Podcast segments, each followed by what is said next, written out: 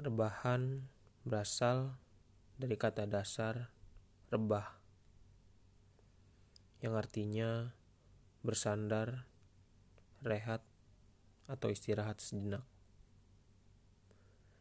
Siniar atau yang kerap dikenal dengan istilah podcast ini muncul dan terpikirkan di saat rebahan. Karena itulah siniar ini pun diberi tajuk rebahan.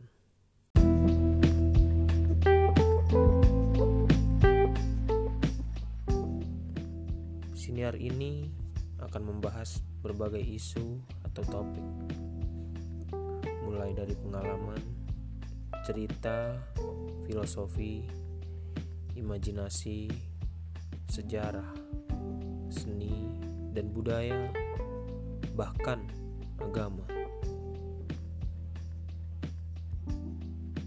Sembari rebahan, kita akan bicara tentang kehidupan sehari-hari, mulai dari beratnya tagihan listrik sampai rumitnya konstelasi politik.